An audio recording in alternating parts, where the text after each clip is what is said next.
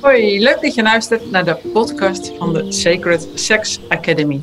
En vandaag ben ik in gesprek met Geert Kimpen. Geert is schrijver. Ik ken hem van een schrijfweek, kan ik je van harte aanbevelen.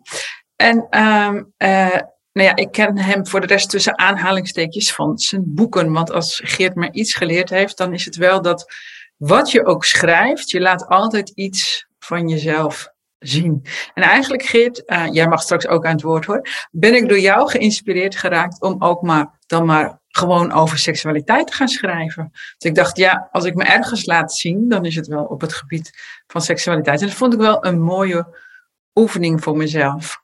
Vandaag gaan we het hebben over uh, vrouwelijke seksualiteit en hoe jij daar als man ja, in staat, over schrijft, het ervaart, beleeft, ontdekt. Welkom Geert. Dankjewel uh, Judith, dankjewel voor de mooie inleiding. En uh, leuk dat ik je heb mogen inspireren om te gaan schrijven over dit onderwerp. Dat is heel belangrijk, denk ik. Ja, en dat doe je zelf ook?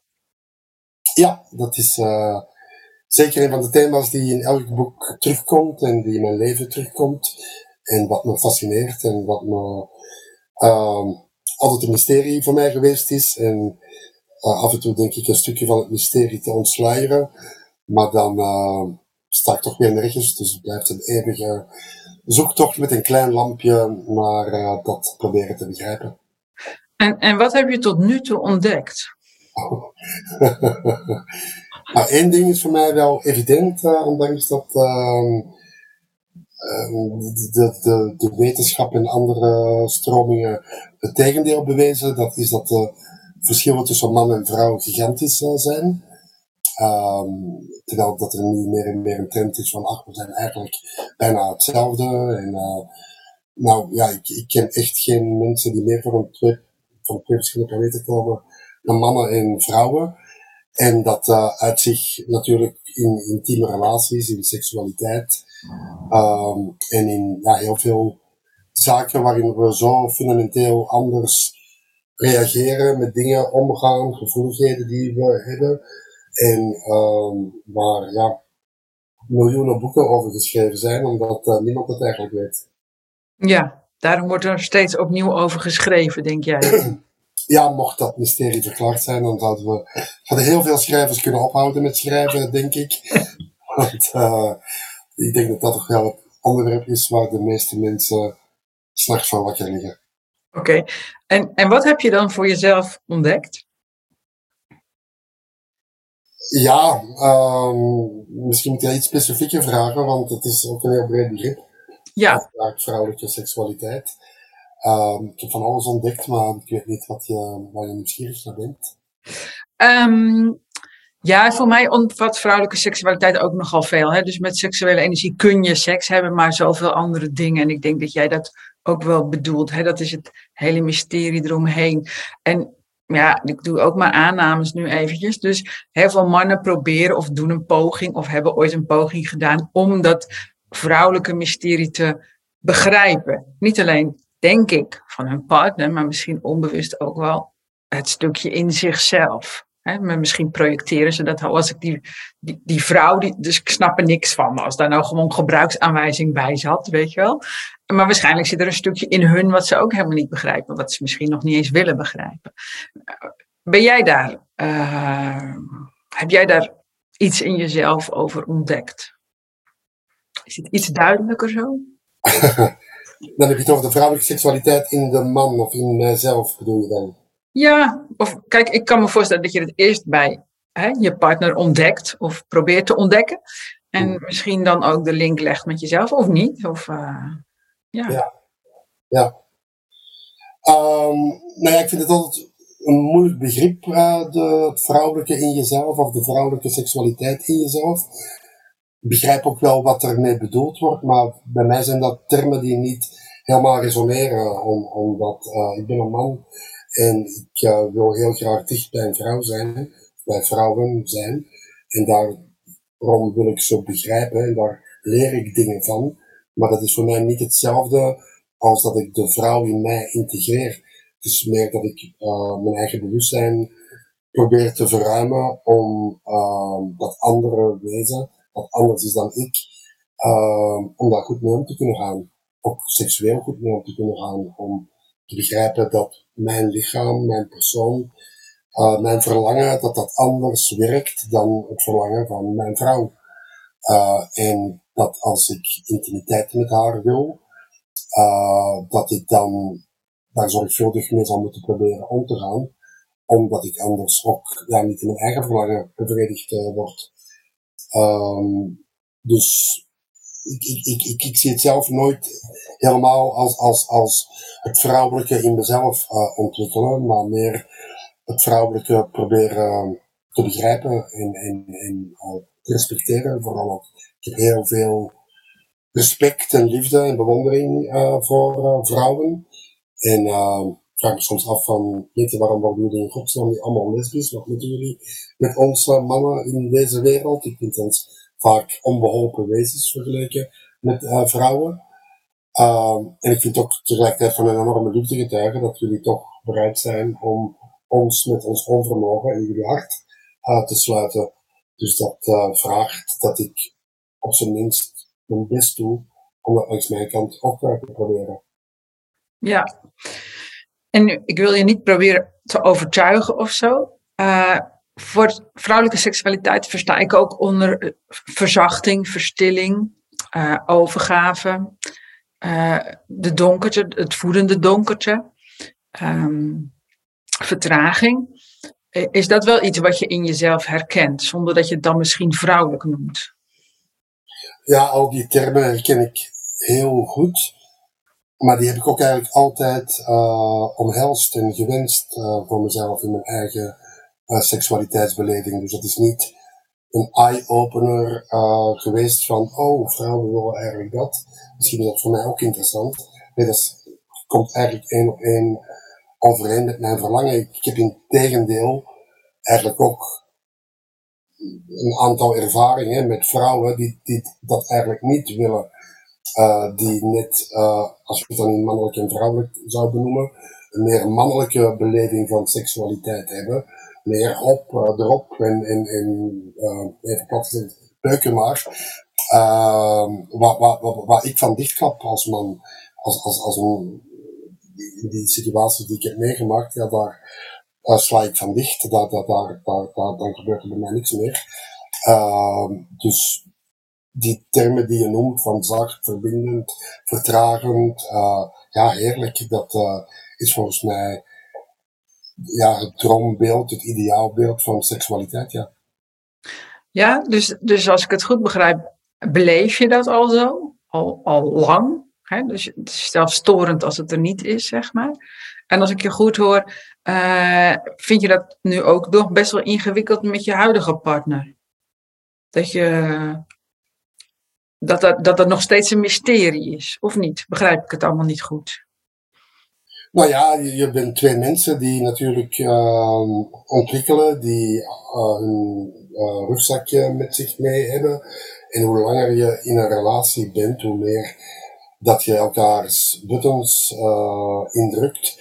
En hoe meer dat je in allerlei projecties terechtkomt van alle bagage die je meedraagt. En dat is natuurlijk tegelijkertijd het boeiende van een lange verbinding aan te gaan. Uh, in het begin ja, is het heel makkelijk, dan uh, ja, ben je eigenlijk alleen aan het vrijen, hoofdzakelijk. Uh, maar een, een relatie ja, wordt pas spannend, wordt pas echt boeiend, wanneer dat je op dat andere stuk gaat ontbloten en je naaktheid tegenkomt en de pijn tegenkomt en het verdriet tegenkomt. En al die emoties hebben natuurlijk ook een weerslag op seksualiteit.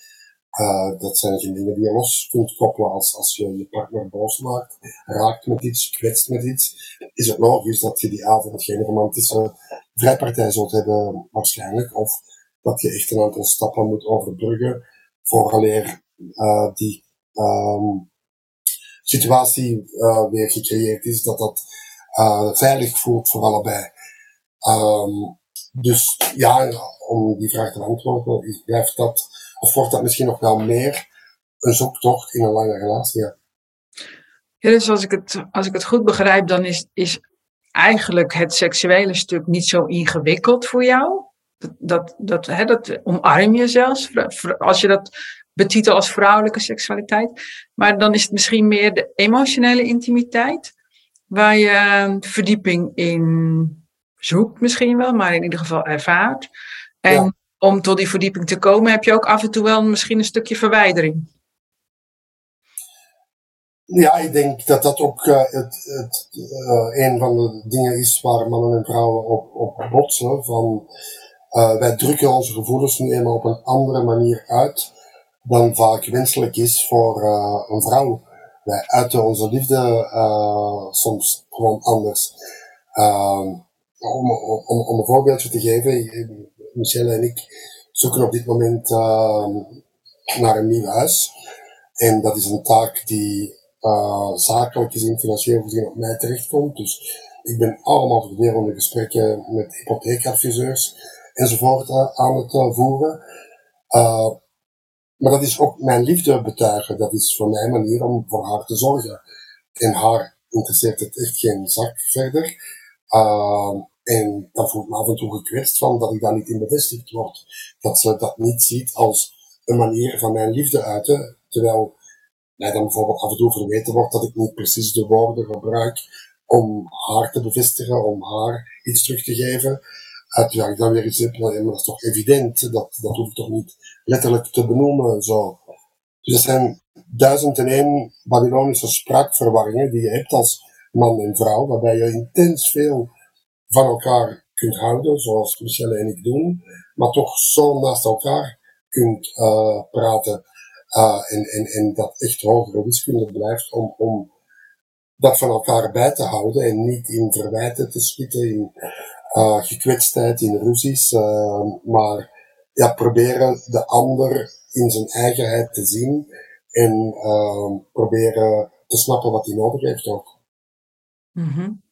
En, en dat, dat, snap, dat is geweldig, tussen haakjes, dat je dat zo doet en zo, vind ik.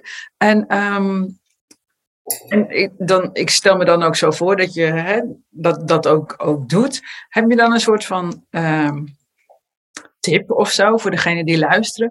Hoe jij dat, hoe je dat verwoordt? En, um, en hoe kom je zeg maar een soort van voor jezelf op dan? Dus als je zegt van, ik, ja, ik als man, ik betoon mijn liefde, ik regel al die financiële shit, shit. Misschien vind je het zelf niet eens leuk om te doen, maar jij dat op je genomen. Ja, jij knikt nee, je vindt het niet leuk, dat, dat ziet en dat hoort niemand natuurlijk. dus jij neemt dat op je hè, als man, jij, zorg, jij draagt daar zorg voor.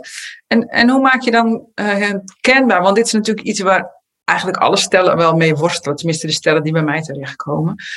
We praten langs elkaar heen omdat we niet duidelijk verwoorden waar we nou eigenlijk behoefte aan hebben of hoe, we ons echt uh, voelen. Hoe doe jij dat dan? Um, ja, communicatie is denk ik de, de sleutel uh, in, alles. En, en niet opgeven. Um, um, in, in alle onbegrip dat er dagelijks insluipt in, in dingen die je net iets anders zegt. Of in je toon. Of in misschien even afwezig zijn dat je met iets anders bezig bent. En dat de ander zich dan tekort gedaan voelt. Of af, afgewezen voelt. Uh, in, in, contact te blijven met uh, de ander. En dat is koorddansen, dat is, uh, ja, voor, voor, uh, vraagt een hele grote betrokkenheid. Maar als je ja, van iemand houdt, dan voel je die betrokkenheid uh, uiteraard.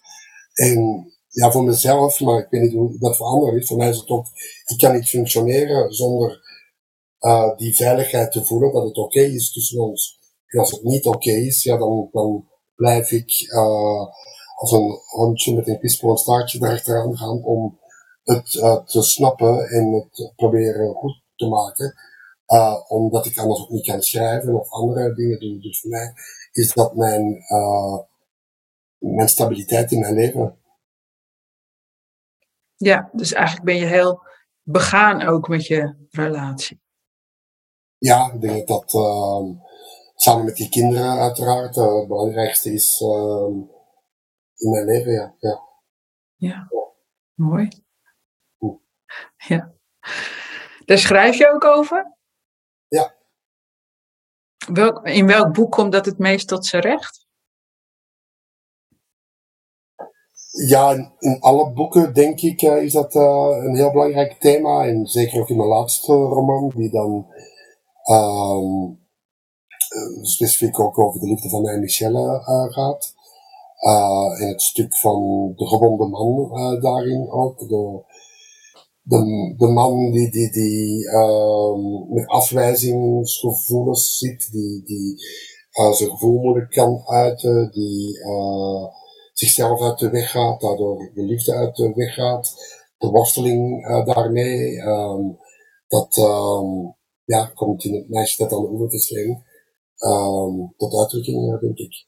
Ja, ik vond, ik vond het een heel mooi boek om te lezen. Ja, ja. Ook wel verrassend over de, de krijgersvrouw. Ja, ik heb hem meteen gelezen toen hij uitkwam, dus dat is al wel weer een paar jaar terug, moet ik eerlijk zeggen. Maar de, sommige fladders zijn me wel bijgebleven. Ja, van, uh, ik zeg dat helemaal vol met de Amazones op de, op de olifanten. En, uh, ja. Mooi. Ja, want met dat schrijven um, ja, beleef je, of dat creëer je zelf, uh, mooie reizen ook.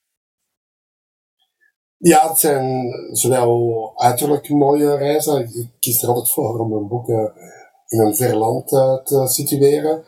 Want dat geeft me als schrijver de, uh, het alibi om dan ook daar naartoe te gaan en daar research te doen. Ik zal nooit een boek zich in Scheveningen laten afspelen of zo. niets mis met Scheveningen, maar als je twee jaar, wat meestal de duur is, van het schrijven van een roman in een verbeeldingswereld wil leven, nou, dan is het wel prettig om een beetje een leuke setting uh, te kiezen. Maar belangrijker nog is natuurlijk de innerlijke reis die je in elk boek maakt. Met elk boek probeer ik in elk geval weer een stukje verder te komen als mens. Mezelf beter te begrijpen, uh, de liefde beter te begrijpen, de seksualiteit beter te begrijpen. En wat ik ontdek, dat probeer ik aan de hand van een spannend verhaal uh, mee te geven aan mijn lezers, om hen daarin te inspireren dat is een beetje um, voor mij ook de drijfveer om te schrijven. Dus schrijven is, is, is mijn zelfonderzoek en is tegelijkertijd ook mijn, mijn betere ik. Mijn, mijn ziel die door me heen komt en uh, zich op papier uh, manifesteert. Ja. Uh, en ja, de, de, de, de, schrijver is denk ik dan vaak een, een uh, wijzere persoon dan de persoon erachter, zeg maar. Ja, dat, ja, dat begrijp ik. Want dan heb je alle tijd om overal over na te denken. En dan heb je het helemaal uh, doorvoeld, doorzien. Dan kun je het uh, met uh, een beetje oefening knap op papier krijgen. En dan het echte leven is dan toch weer net iets anders. Ja, ja, ja het is altijd als je denkt dat je op een nieuw level bent gekomen, donder je er weer af. het is, je wordt iedere keer weer toch ontmaskerd en met beide voeten op de grond uh, gezet. Um, maar ja, dat, dat is ook het leven, denk ik. Je blijven ontwikkelen. En ook dankbaar zijn dat je een partner hebt met wie je kunt ontwikkelen. Want stel dat je op een bepaald moment hebt van, we zijn klaar. We snappen elkaar volledig. We kunnen uh, alle twee dezelfde jas uh, aantrekken. Als de tweeling door het leven wandelen, ja, er zal geen bal meer aan zijn natuurlijk. Dan is elke spanning, elke uitdaging, elk mysterie uh, verdwijnen. Uh, maar voorlopig hoef ik daar niet bang voor te zijn. Uh, dat is een hele positieve manier om er naar te kijken. daar hou ik wel van. ik, uh, ik heb nog wel een aantal jaren te gaan om dat mysterie te doorgronden. ja, want dan heb je zo, zo'n innerlijke reis in jezelf. Dus dan ben je al wijzer geworden. En dan heb je het opgeschreven. En dan inderdaad in het dagelijks leven flikker je af en toe weer naar beneden. Lukt het je dan om ja, zeg maar weer te herinneren wat je al ontdekt had? Dat je, dat je ook zeg maar weer opkrabbelt? Of vergeet je dat af en toe weer helemaal wat je ontdekt hebt? Ja, ik, ik ben daar zelf denk ik een tragische uitzondering in.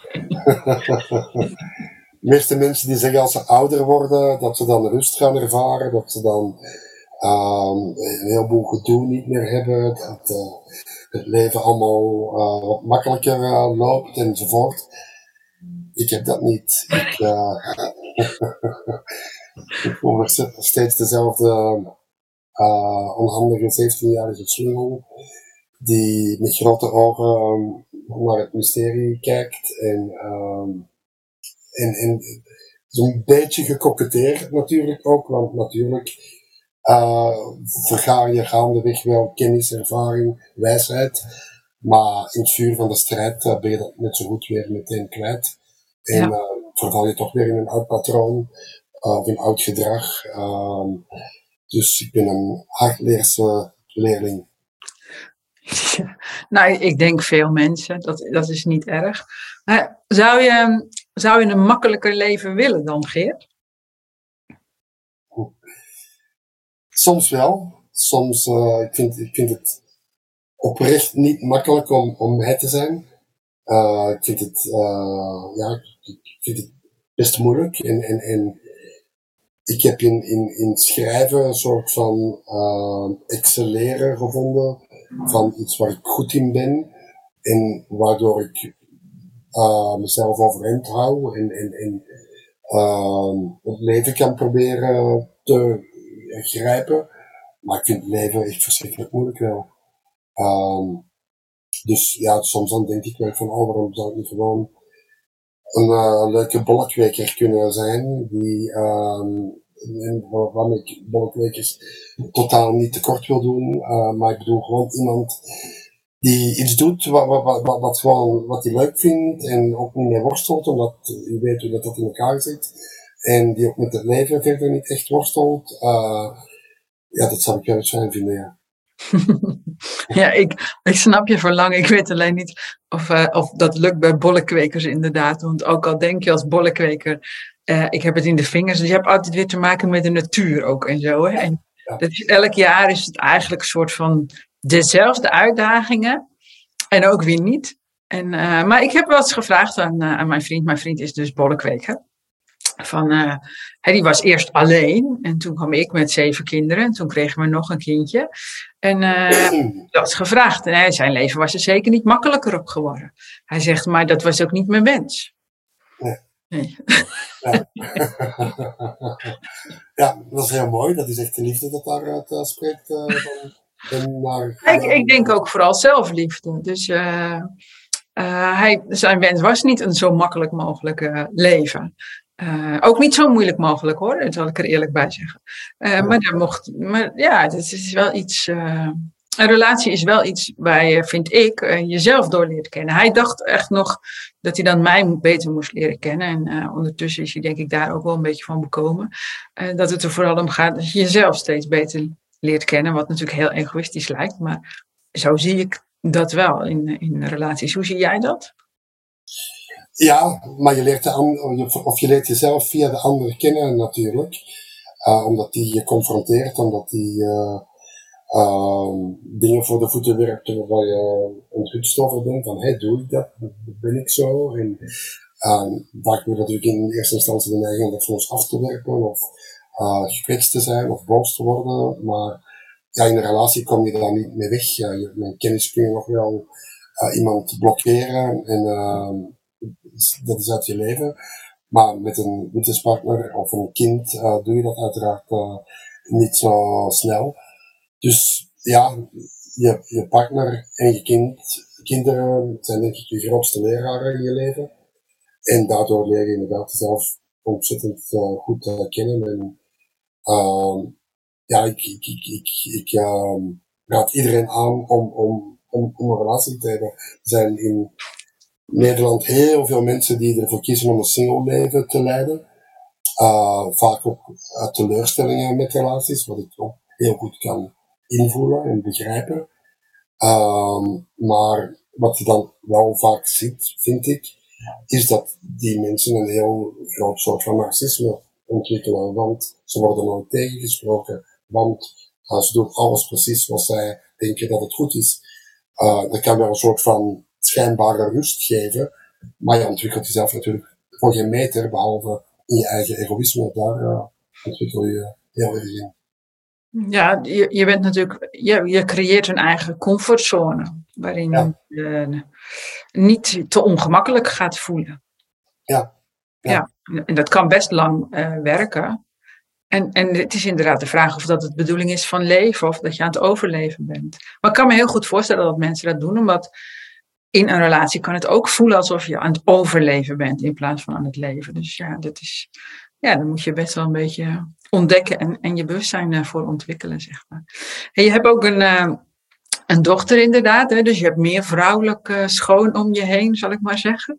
Dus heb je van, ja, dat is een hele andere generatie natuurlijk, heb je van van haar vrouw zijn, van haar meisjes zijn, uh, ook weer dingen geleerd?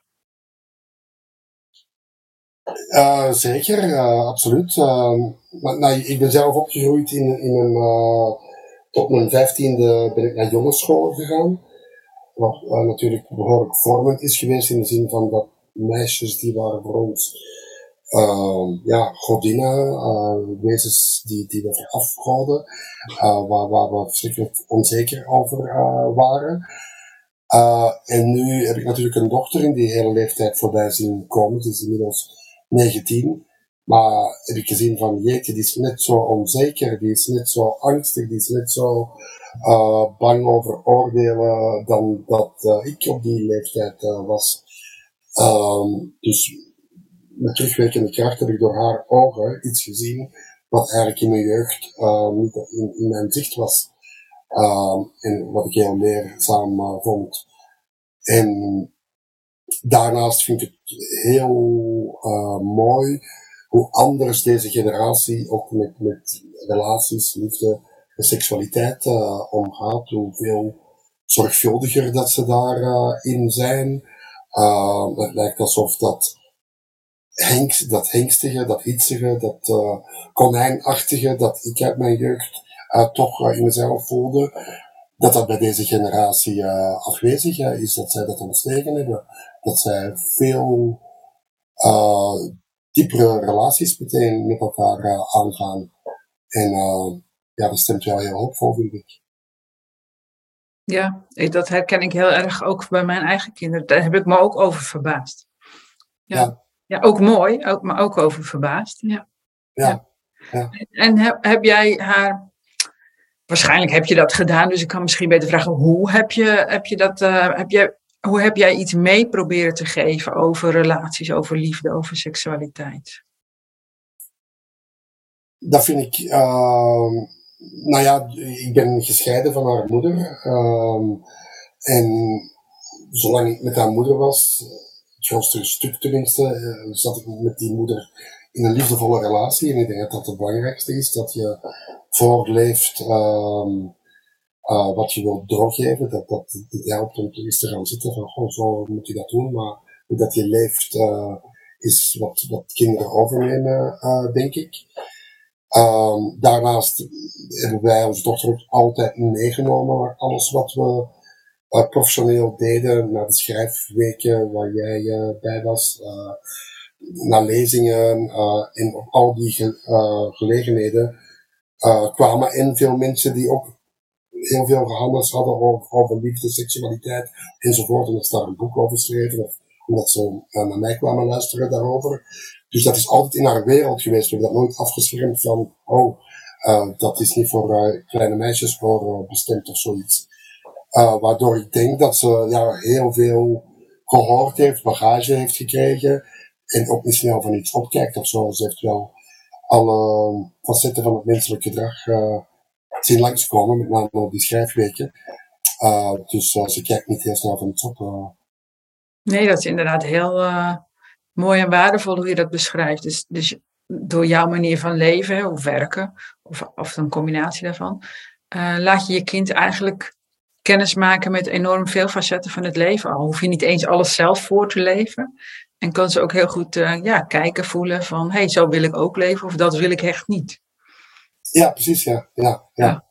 ja. en af en toe had ik natuurlijk ook wel van, oh, moet ze dit nu echt wel horen? Moet ze hier nu echt wel bij zijn? Uiteraard heb je dat soort van momenten. Uh, maar zij gaf altijd ook zelf die honger aan, dat, dat ze dat heel spannend vond en heel nieuwsgierig naar was. Uh, en in die zin heb ik altijd wel vertrouwd op haar eigen intuïtie. Van oké, dit zijn dingen die nog niet echt bij jouw leeftijd horen, wat je nu dan misschien hoort. Maar ja, dit uh, zijn volwassenen, dus uh, dit gedrag hoort bij volwassenen. En ehm, dat heeft allemaal, denk ik, wel een gezonde plek in haar uh, hoofd gekregen. Mooi. Hoop ik. Ja, ja, dat hoop je altijd. Dat merk je pas later, maar waarschijnlijk gaat het wel goed komen. Heb jij nog iets aan te vullen, Geert? Is er nog iets wat jij graag wilt delen? Um, nou ja, ik, ik zou tot middernacht met jou over uh, dit onderwerp kunnen praten. Um, nou, ik, als man, misschien wat ik nog eh, graag wil delen, misschien, is, is van, ik zie het vrouwenlichaam echt als een, als tempel. Uh, iets wat uh, ja, magie in zich heeft, wat helend is. Letterlijk ook een plek waar je kunt transformeren. En ik heb altijd wel dat, die eerbied en dat respect al gehad. Maar die wordt eigenlijk alleen maar groter. Waarbij ik niet wil zeggen ja, dat, dat je duur met witte handschoenen, uh, zoals in een tempo, uh, in een echte tempo, uh, ermee om moet gaan. Maar wel qua bewustzijn, vind ik. Uh, een, een, een peony, een, een, een baarmoeder, uh, heeft zoveel energetische uh, kracht. Is in mijn beleving echt het, centrum van het universum met een ontzettende creatiekracht ook, waar dat niet neven uh, letterlijk uit voort kan komen, maar alle mogelijke creatiekracht volgens mij. En ik word er me meer en meer van bewust hoe wij als man uh, daar uh, behoedzaam mee om moeten gaan. Want wij komen in een vrouw en wij nemen onze energie mee in een vrouw. En als wij slecht in ons vel zitten en depressief zijn en ons uh, met, ja, gewoon um, negatieve energie bij ons hebben, dat storten wij in een vrouw. Dat, dat, dat is nogal wat. Uh, dus om op jou, wat jij zegt, terug te komen, van als man moet je jezelf leren kennen en moet je jezelf leren ontwikkelen en moet je jezelf ook uh, een soort van zuiver willen maken om een vrouw te kunnen beminnen, vind ik. En dat is natuurlijk niet evident, want we hebben allemaal onze bijen en dergelijke. Maar ik denk dat we wel dat bewustzijn uh, moeten hebben wanneer we met onze partner gaan vrijen. Ja. ja, mooi wat je beschrijft. Ik, ik beschrijf het altijd als energetische prullenbak ben je dan. Dat, en als je dat niet doorhebt, dan op een gegeven moment zegt een vrouw, ja, ik, ik hoef niet meer. Eigenlijk zit de prullenbak vol. Hè, maar dat hebben we niet door. Dus zo'n man is stom verbaasd. Die denkt, maar we doen het altijd zo. Wat, wat is er nou hè, mis? Dus dat stukje heb je mooi uitgelegd. En, um, maar je zei ook iets van, hè, ik zie het ook echt als een manier of mogelijkheid. Mogelijkheid denk ik meer uh, om te transformeren. Wat bedoel je daar precies mee? Um, wanneer je werkelijk in verbinding in, in elkaar bent, als man en vrouw, werkelijk uh, uh, in, in liefde verbonden bent, uh, dat is voor mij helend. Ehm, dat, dat, dat, dat voelt als, als, als, als, drie weken op vakantie gaan. dat, dat, dat, dat is een weldaad voor mijn lichaam, voor mijn ziel, voor mijn hart, voor mijn liefde. Uh, een kuuroord. om, om, om in liefde in Michelle te mogen uh, zijn. Um, ja, dat bedoel ik daarmee. ja, prachtig. ik heb het nog nooit zo uh, beschreven horen worden. Als een kuuroord. Geweldig, ja. dat, dat, dat, dat voel je natuurlijk ook alleen maar wanneer je werkelijk met aandacht en liefde en vertraagd enzovoort vrijt en dat, natuurlijk heb je ook uh, de vuurtjes en de andere manieren van seksualiteit. Ik denk ook niet dat seksualiteit altijd heilig moet uh, zijn, maar ook gewoon is uh, speels en, en grappig en snel en whatever uh, geil zijn. Maar uiteindelijk vind ik dat wel allemaal McDonald's in vergelijking met een vijf sterren restaurant. En McDonald's kan niet lekker zijn, maar ja, liefst ga je toch naar een vijf sterren restaurant. Ja, ja ik, ik denk dat ik wel een beetje begrijp wat je bedoelt. En toch ga ik het expliciet nog even vragen. Dus aan de ene kant beschrijf je iets als een kuuroord, als iets helends, als iets nou, wat je misschien wel boven jezelf uit tilt. En aan de andere kant beschrijf je dan, ja, dat is geil en plezier en leuk. Maar dat, kan dat niet samen, Geert? Ja, maar dan heeft het een andere kwaliteit. Dan heeft geilheid een andere kwaliteit. Dan heeft speelsheid een andere kwaliteit. Uh, natuurlijk uh, heb je dat ook in die heilige beleving. Maar dat is anders dan wanneer je op één ding daarvan inzet. Wanneer het alleen geilheid is, dan is het geilheid. En ik denk niet, dat er iets mis is met geilheid, maar op den duur wordt dat wel heel oppervlakkig, wordt dat uh, ja, weinig uh, liefdevol, weinig bevredigend.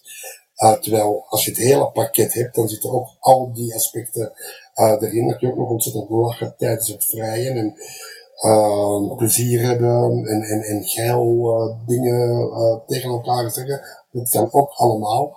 Maar het is gekaderd in, in, in, in een ja, in een heilig ritueel eigenlijk. En, en ook omgekeerd merk ik dat van dat Michelle zich er ook echt gevoeld of gedragen voelt door mijn mannelijkheid. Dat ze werkelijk mijn mannelijke energie in haar voelt, waar ze zich ook mee kan opladen. Dus twee, twee kanten uh, op. En ja, dat, dat, dat is in elk geval waar ik het allerblijst van word in het leven. Ja, mooi, dankjewel.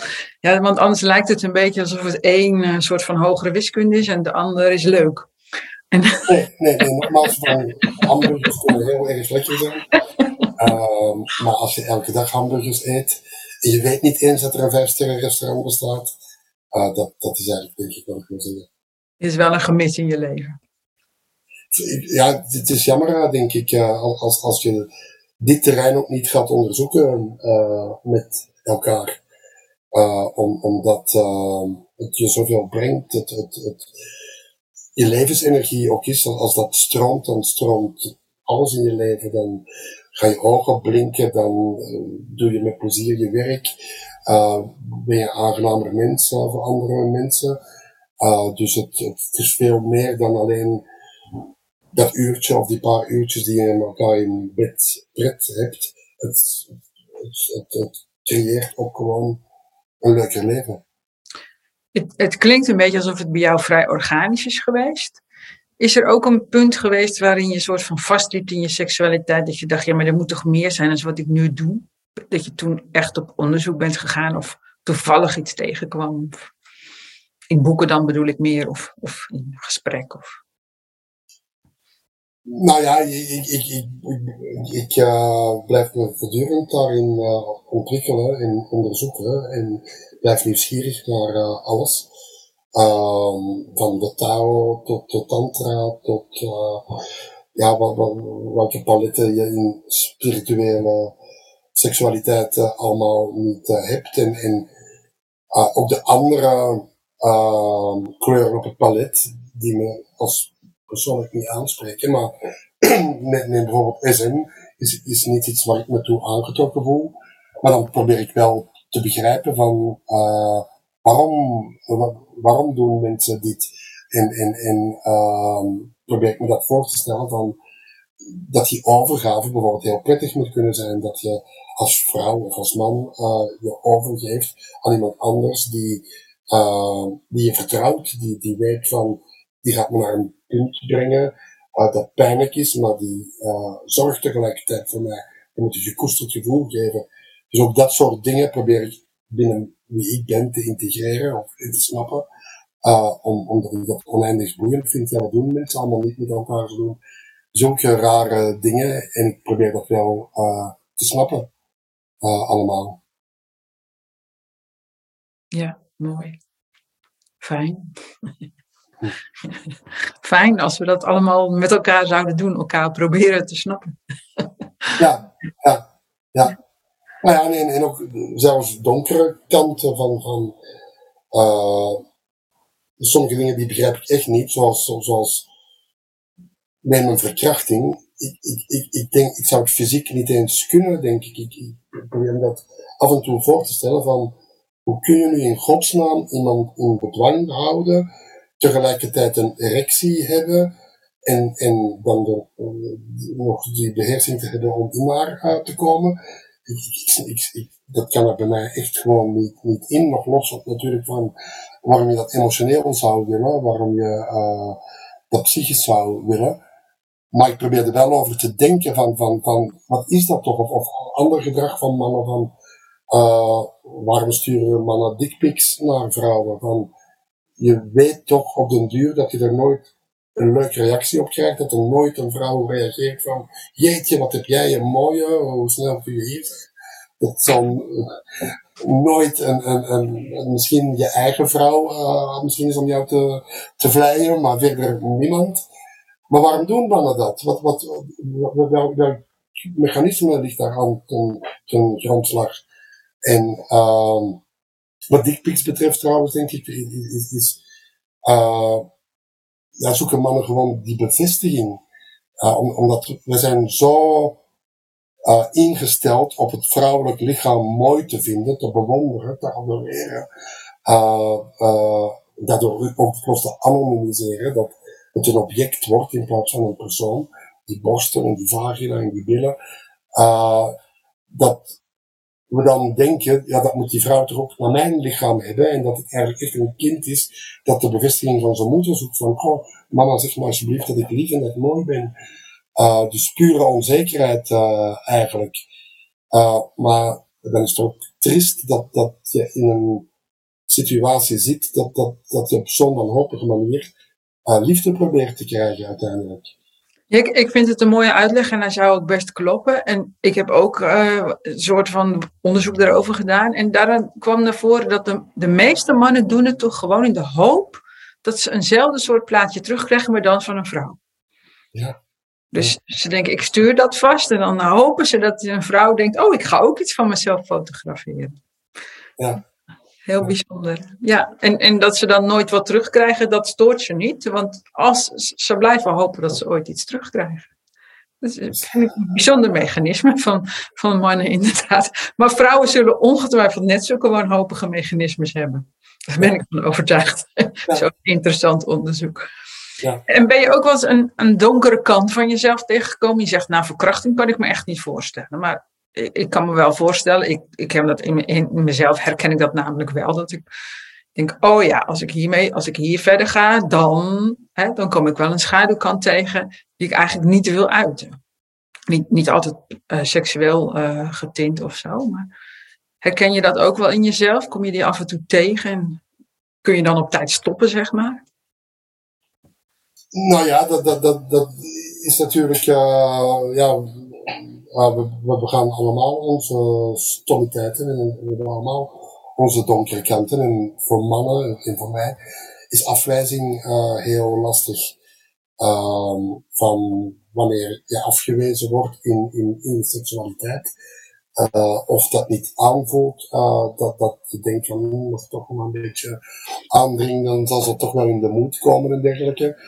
En dat je zelf niet begrenst daarin, van ja, ze geeft op een nette manier nu aan door niet te reageren dat ze niet in de moed is. Uh, stop dan met dat vervelende gedrag, want je weet hoe vervelend het ook zou zijn als dat bij jou zou gebeuren. Uh, dus dat, dat in dat, die zin overschrijdende gedrag naar je partner, dat herken ik, uh, of dat, dat, dat, dat, dat vind ik absoluut ook een, uh, een werkpunt van, van mezelf, van, van daar zorgvuldig mee om te gaan. Van, dat als je je partner een massage geeft, waarbij je natuurlijk intiem bent, uh, dat je er niet van uitgaat dat het in een vrijpartij moet uitmonden. Dat je haar gewoon lekker kunt laten ontspannen en je eigen behoeftes bij jezelf houdt. Ook al is het heerlijk om dan mooie naakte lichaam uh, te mogen aanraken. Uh, maar dat ze dan die veiligheid kan voelen. Uh, dat is bijvoorbeeld een punt van actie van mij, ja. ja. Ja, Dankjewel voor je eerlijkheid. Ja, het, het, waarschijnlijk is het heel herkenbaar voor veel mannen en ook weer niet, omdat ze dit niet snappen of niet onderzoeken of gewoon niet begrijpen. Ja. Dat is als niet snappen. Ja. Ja. ja. Nou ja, en, en dat is natuurlijk uh, dan ook dikwijls met vrouwen wat is grenzen aangeven ook dikwijls lastig. En, uh, ook, en, ook binnen een liefdesrelatie natuurlijk. Want je wil je man niet kwetsen, je wil je man niet afwijzen. Dus je probeert liefdevol dan uit te stralen van, goh schatje, niet. Maar uh, ja, dan kom je in grijs gebied terecht natuurlijk, waarin uh, dat je als man uh, erover kunt gaan. Ja, ja, dat is herkenbaar in die zin dat voor mannen is gewoon nee is heel duidelijk en ja is ook heel duidelijk en misschien is totaal onduidelijk. En dan ga je dus een soort van wanhopige pogingen krijgen of zo. En, en die kunnen heel snel uh, de verkeerde kant op gaan. Ja. Of ja. gemakkelijk in ieder geval. Ja. Nou, en omgekeerd ook als je te hard afgewezen wordt, dan zullen de meeste mannen, waaronder ik ook, uh, net uh, als een klein kind reageren, boos en gekwetst en, en, en pathetisch en slachtofferachtig. En, uh, dus het, het, het, het, is een voortdurende dans tussen die twee van, van heel helder te weten wanneer je alle twee iets wil, wanneer je niet iets wil en vooral ook hoe je communiceert wat je wil en wat je niet uh, wil, zonder dat dat in een drama hoeft uh, te eindigen. Maar uh, ja, ik denk dat dat inderdaad wel niet alleen mijn werkpunt is meer. En, en zou het schelen, dan zullen we daarna afronden, Geert. Uh, zou het schelen dat als jij als man um, uh, iets wilt en, en je wordt afgewezen, dat er dan naast die afwijzing toch ook gevraagd wordt van uh, waar heb je behoefte aan? En dan kun je zeggen, ja, seks, dat is toch duidelijk. Maar dat, het hoeft niet altijd per se seks te zijn, denk ik. Dat is eigenlijk een vraag aan jou. Ja, ik denk dat dat heel veel zal schelen, ja. ja. ja. Ja. Want seks vervult natuurlijk heel veel behoeftes. Hè? Genot, maar ook aanraking en verbinding en intimiteit en speelsheid misschien wel. En... Ja. Ja, en, en, en ja, seks is voor de man wat het eerst aanslaat in het verbinding uh, zoeken. En uh, ja, door schade en schande leren we dan dat dan voor een vrouw eerst het hart moet aangaan.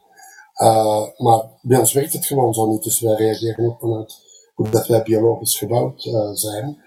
Maar als je inderdaad in een vorm van communicatie zou terechtkomen waarbij een afwijzing uh, seksueel wordt omgezet naar een verbinding emotioneel, uh, dan zou die kwetsuur van de afwijzing waarschijnlijk veel minder als een kwetsuur uh, voelen. Mooi, dat is dus een mooi punt, een mooi ding om mee te nemen voor ons allemaal in, uh, in onze relaties hebben heel veel punten te nemen. Onze relaties Geert, hartstikke bedankt voor deze mooie, open, eerlijke uh, podcast. Ik, vind, ik, vind, ik vind, ben altijd blij als mensen heel eerlijk zijn. En ja, dus heb je, bent natuurlijk wel iets bekender al, uh, als, als uh, Nederlander, als Belg. Hè? En dan zo over seksualiteit praten. Ja, je schrijft er natuurlijk ook over. Maar ik, vind, ik, ik ben er dankbaar voor. Dank je wel. Um, ja, dat was het eigenlijk. Dankjewel, Geert. Dankjewel, uh, Judith, om uh, jouw gast ja. te mogen zijn in uh, jouw podcast. Ja, dankjewel. En dankjewel, uh, luisteraars. Willen jullie meer luisteren? Abonneer dan op het podcastkanaal Bemin Jezelf. Er zijn nog meer leuke podcasts staan er. Of kijk eens een film op YouTube. Of ga naar de website www.sacredsexacademy.nl En dan kun je je opgeven voor een gratis webinar. Tot ziens.